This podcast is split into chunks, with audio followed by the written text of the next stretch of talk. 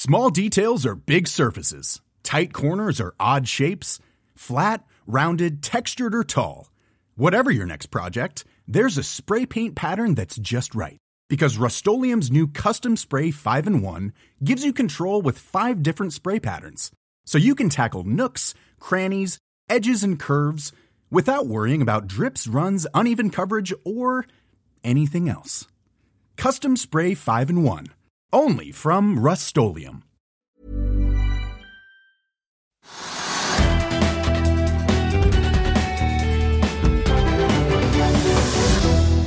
og velkommen til Økonominyhetene onsdag 31. august. Olje- og energimessen i Stavanger fortsetter, og reporter Marius Lorentzen har et par ting i ermet innen offshore og ocean industry litt eh, senere i sendingen. Det blir også teknisk analyse av Grieg Seafood, men først en liten oppdatering på markedene. Brentoljen den dundrer ned nye 4-5% ned 4,8% nå, til 95 dollar og 13 cent. Og det er ned 10 dollar fra intradag høy i går tirsdag. Hovedindeksen er ned 0,6% til 1237,18 akkurat nå. Det er også ned eh, på børsen i Europa, 0,5 til 1 Størst er nedgangen i London, ned 1,1% Børsene i Paris, Frankfurt, Milano og i Madrid, der er børsnedgangen på 0,4 til 0,9% De tre toneangivende indeksene på børsene i New York i går falt rundt 1 Futures i dag tyder foreløpig på at Dow Jones, SMP 500 og Nasdaq vil åpne opp eh, fra flatt til 0,3 til 0,5% på Nasdaq. Eh, på vinnerlista på Oslo Børs så er det mye småtteri, men vi kan iallfall ta med at Kvester, tradingaksjen, den er opp 11% til 2,32 kroner Uten at vi har fått med oss noen nyheter i dag. Det er i hvert fall ikke noen børsmeldinger fra selskapet. På taperlisten um, kan vi begynne med at oljeprisfallet setter sitt spor. 11 av de 15 mest omsatte aksjene faller, og olje- og oljeserviceaksjer faller 1,5 til 4 vi kan ta med at eh, Equinor er ned 3,1% til 375 kroner 30 øre. Aker BP faller 2,3% til 344 kroner 30 øre. PGS, oljeserviceaksjen, eh, seismikkaksjen, ned 4,9% til 7 kroner 73 øre.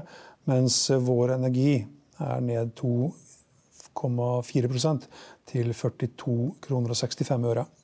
Kan også ta med at DNO er ned rundt 3,7 Eh, av de aksjene som da stiger, så er eh, en av gårsdagens vinnere Aker Solutions, som jo la fram eh, en ny subsea-konstellasjon sammen med Slumberger C og med, med um, Subsea 7. Aksjen er opp nye 0,7 i dag, til 38 kroner og 22 øre.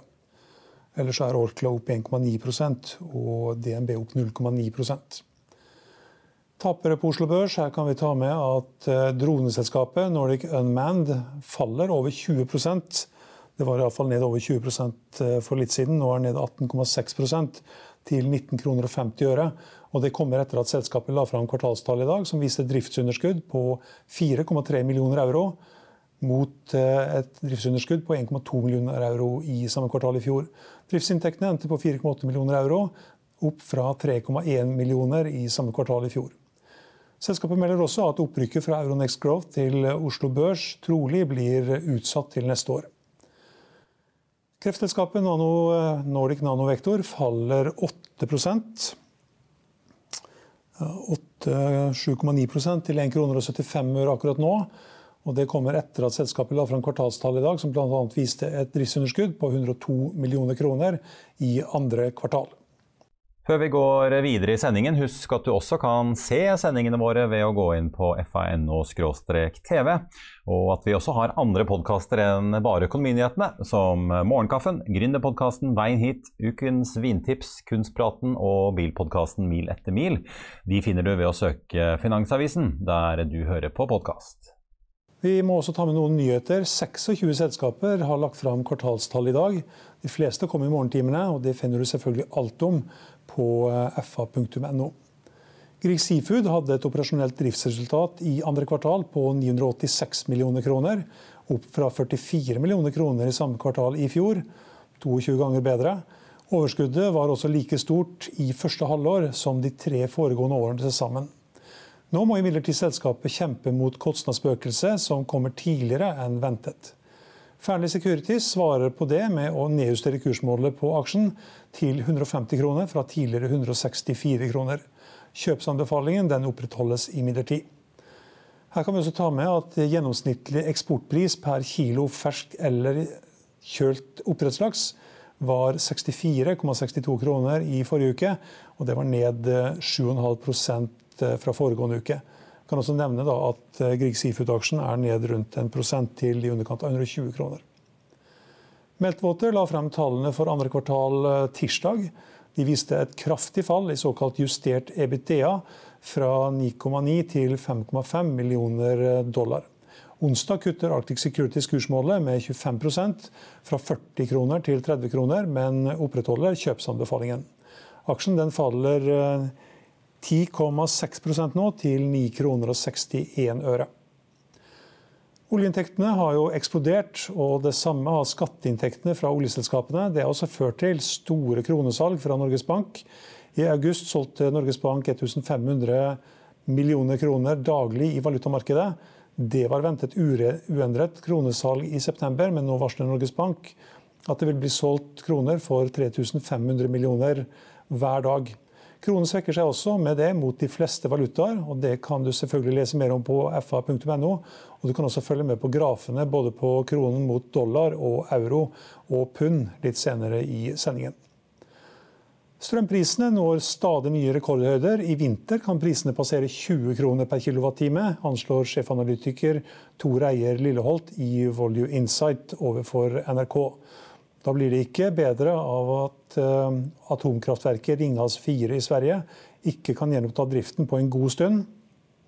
Atomkraftverket ble stengt ned for vedlikehold tidlig i august, og nå kan det ta tre måneder å få fikset en trykkbeholder som ble skadet i forbindelse med omstart. Og på toppen av det er det nå også nok en gang full stans i gassleveransene fra Russland gjennom Nord Stream 1. I kjølvannet av de høye strømprisene har en rekke kraftselskaper i Sør-Norge ifølge NTB nå varslet at de vil søke om konsesjon til å bygge ut mer vannkraft, solenergi og vindkraft på land. Prosjekter som tidligere er blitt ansett som ulønnsomme, kan plutselig ha blitt svært lønnsomme. Og da øker også søknadene om konsesjoner. Vi vil også ta med at samlet inflasjon i eurosonen steg med 9,1% i august, opp fra 8,9% i juli. Kjerneinflasjonen var på 4,3% opp fra 4% i juli. Så en liten nyhet fra sosiale medier-verdenen. Snap melder at det ser seg nødt til å si opp 20% av de ansatte i selskapet, tilsvarer rundt 1000 medarbeidere. Det kan du lese mer om på finansavisen.no. Så til eh, olje- og energimessen i Stavanger. Den fortsetter på tredje dagen på rad. Og reporter Marius Lorentzen han har, eh, ja, han har fått en prat med seksjonsleder for Ocean Industries i DNB, Jan Ole Huseby.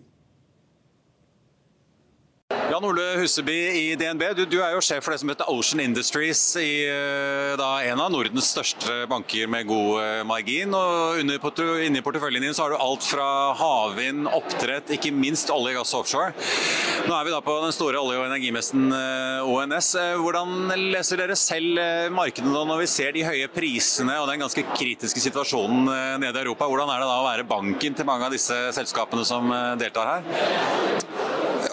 For det første må jeg si fra, fra ett ståsted så har vi jo veldig stor forståelse for den uh, fortvilte situasjonen disse høye energiprisene har for, for, mange av våre kunder. På den andre siden så er det jo mange av kundene våre som også profitterer fra, fra, det markedet.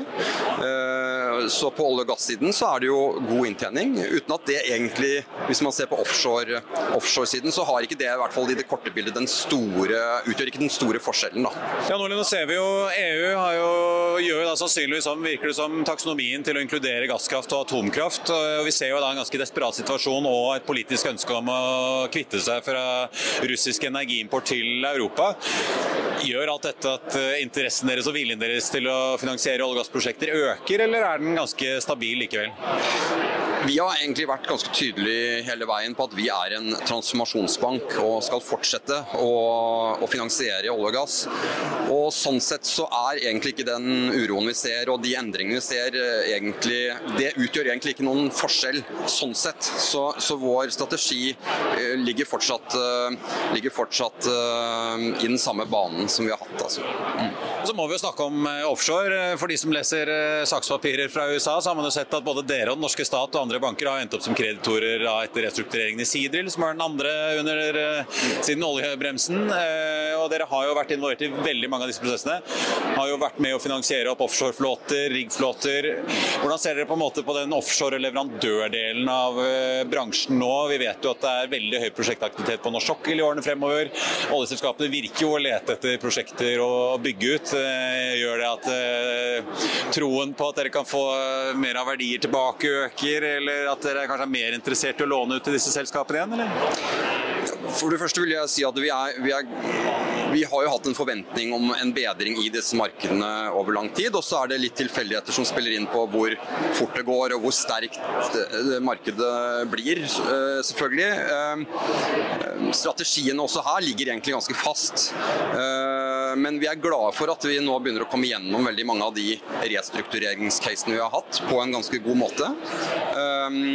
Og forventer vel at, at det skal fortsatt være en gradvis forbedring. Da. Både Riggsektoren er jo egentlig ganske godt tilbake, og så forventer vi også det samme på, på supply-siden, men hvor det fortsatt trengs en, trengs en opprydning på balansesiden. Da. Når det er sagt, så har vi også egentlig ganske store forventninger til, i hvert fall for noen av disse aktørene, i de nye mulighetene som oppstår da, i, i forbindelse med havvind osv. Men er, det, er dette en bransje, altså offshore rigg og supply, er det en bransje dere skal holde dere ved og holde eksponeringen på, eller vil dere etter hvert ønske å trappe ned den eksponeringen? Igjen, vi er en transformasjonsbank, så vi kommer til å følge de kundene vi har eh, gjennom den transformasjonen. Og så forventer vi jo også at flere av de kommer til å, til å diversifisere på en måte produktspekteret sitt i, i årene som kommer. Til slutt må jeg høre litt om uh, fornybar. Dere har jo veldig mange av disse selskapene som uh, kunder også. Vi vet jo at veldig mange leter etter uh, fornybarprosjekter, være det seg sol, vind eller havvind. Hvordan leser dere takten der nå?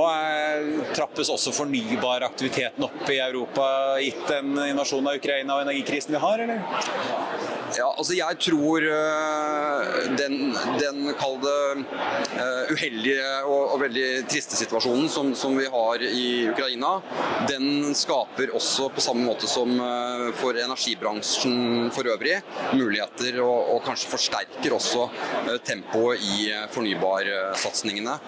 Så vi ser masse, masse kapital med ønske om å investere inn i de næringene. Vi er klare for å investere i de næringene. Så nå er vi, venter egentlig på at eh, de riktige prosjektene, de riktige mulighetene kommer. Og så ser vi allerede da at, at uh, på, offshore, på havvinden så, så, er det mye som skjer. Vi ser på service, altså i andre deler av verdikjeden på havvind, at det er veldig mye som skjer. Og, og, og der er vi allerede i gang uh, med å, å, tilrettelegge kapital for, for de aktørene. Så snakker står på kapitalen, er mer å ha nok gode prosjekter å sette pengene i? Det er helt riktig. Aker Offshore ble tatt av børs og slukt av Aker Horizons i sommer. Nå går veien videre i en ny konstellasjon.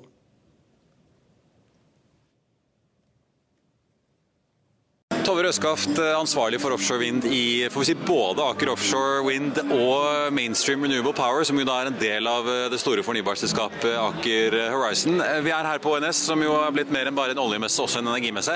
Dere ble jo tatt av børs for ikke så veldig lenge siden, slukt opp i Aker Horizons. Men nå skal dere bli en del av Mainstream, er det sånn å forstå? Ja, vi har allerede på en måte blitt en del av Mainstream, så vi er midt i integrasjon akkurat nå.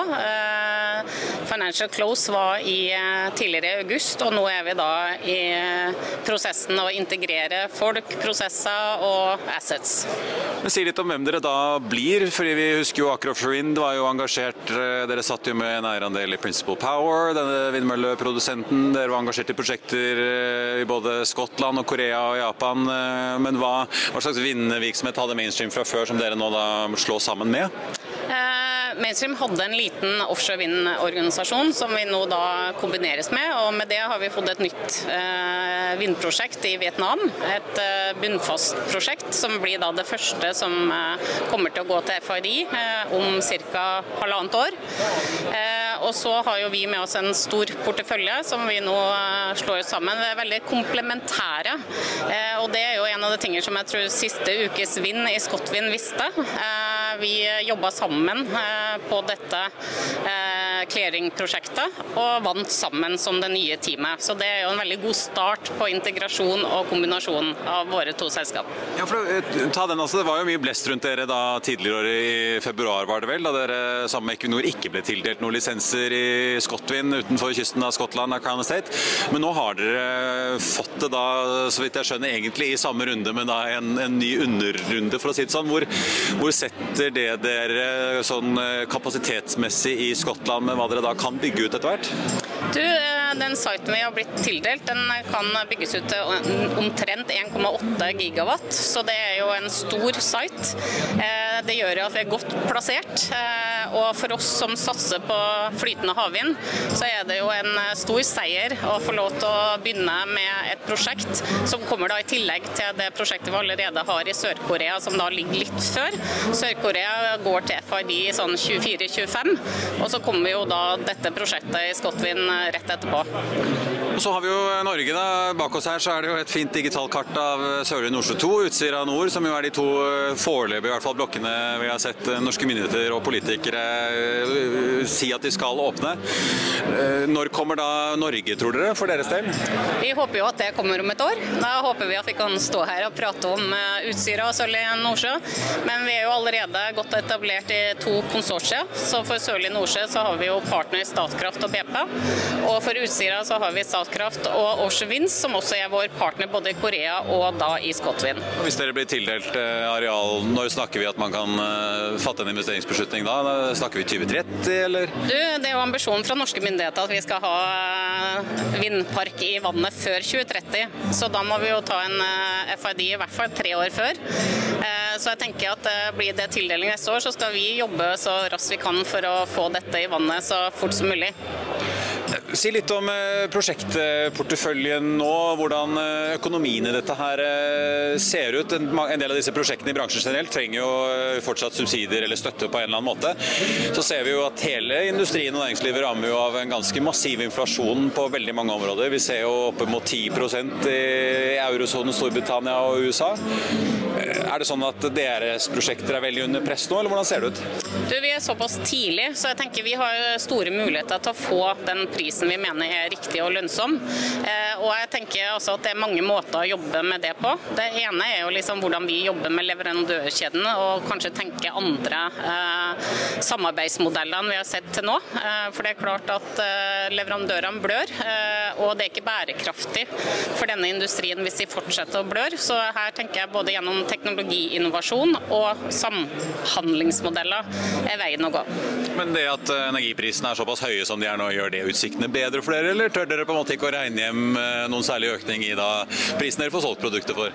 Jeg tror Er det en ting historien viser, så er det at vi skal ikke tenke veldig kortsiktig. Vi må se i et langsiktig perspektiv. og Hvis vi hørte i går, så sa de at gjennomsnittlig vindprosjektet tar ni år fra du får tildelt en lisens til du faktisk har en vindpark. og Da tror jeg ikke vi skal se på sånne øyeblikksbilder. Da skal vi holde den strategien vi har og tenke langsiktig. Til slutt, da, Hvis man regner at dere kan sanksjonere deres første utbyggingsprosjekt om halvannet års tid, eh, er det omtrent da dere kanskje vil måtte ut og hente ny finansiering på en eller annen måte? Eller hvordan ser finansen ut for uh, havvindvirksomheten til Aker og Mainstream nå? Eh, foreløpig så ser det jo greit ut, men det er klart, ja. Det er jo en del av den jobben du gjør før du kommer til FID. Det er å gå ut og se på mulighetene for prosjektfinansiering. Så det er jo noe som da vil starte i løpet av neste 12-18 månedene. Det er omtrent uh, samme situasjon på Oslo Børs. Uh, faller nå på 0,6% Hovedindeksen ned til 1237,40. Uh, oljeaksjen er fremdeles ned sånn 2-3% Equinor faller 2,8% til 376 kroner og 25 øre. Aker BP er ned 2% til 345 kroner og 60 øre, mens Vår Energi er ned 2,4% til 42 kroner og 68 øre. PGS fremdeles ned 4,6% til 7,75 kroner og 75 øre. Quester er fremdeles eh, dagens vinner så langt, opp 11% til 2,32 kroner og 32 øre. Og taperen er fremdeles droneselskapet Nordic Unmanned, som faller 19% til 19 kroner og 42 øre. Oljeprisen er ned 4,4% til 95 dollar og 48 cent. Henter seg da bitte litt inn igjen. Vi har sett den også under 95 dollar i dag. Eh, på børsen i Europa er det fremdeles nedgang. Futsi FTSE 100 i London er ned 1,2% I Frankfurt er nedgangen på 0,12% I Paris er det ned en halv prosent. I Milano er det ned 0,8 og det samme er det i Madrid. På børsene i eh, New York ligger det an til en liten oppgang. Futures for Dow Jones tyder nå på at vi kan få et, eh, en oppgang fra start på 0,1% For SMP 500 0,2% og på Nasdaq ventes det en oppgang på 0,5 eh, ja, Det er vel ikke så veldig mye mer. Det er ikke like mange aksjer som i sted. Nå er det seks av de unnskyld, åtte av de 15 mest omsatte aksjene som eh, stiger. Åtte stiger altså, mens syv faller. Og Kahoot er opp eh, f.eks. 2,2 til 19 kroner og 64 øre. Eh, Nordic Semiconductor opp 1,1 til 152 kroner og 65 øre. Og DNB som vi også var inne på sted, opp en knapp prosent til 186 kroner og 55 øre. I Finansavisen i morgen så kan du lese Trygderegners leder om at Norges hytteforbund vil saksøke staten fordi hytter ikke er omfattet av strømstøtten. DNB-sjefen Kjerstin Bråten har bladd opp 41 millioner kroner for en luksusbolig i Holmenkollen. kan du lese mer om. Og kronesjokket og russiske Gazprom som gikk med kjempeoverskudd i første halvår. Takk for nå. Det var det vi hadde denne, på denne onsdagen. Vi sier tusen takk for følget. Håper du ser på oss i morgen også. Vi er tilbake 14.30 som vanlig.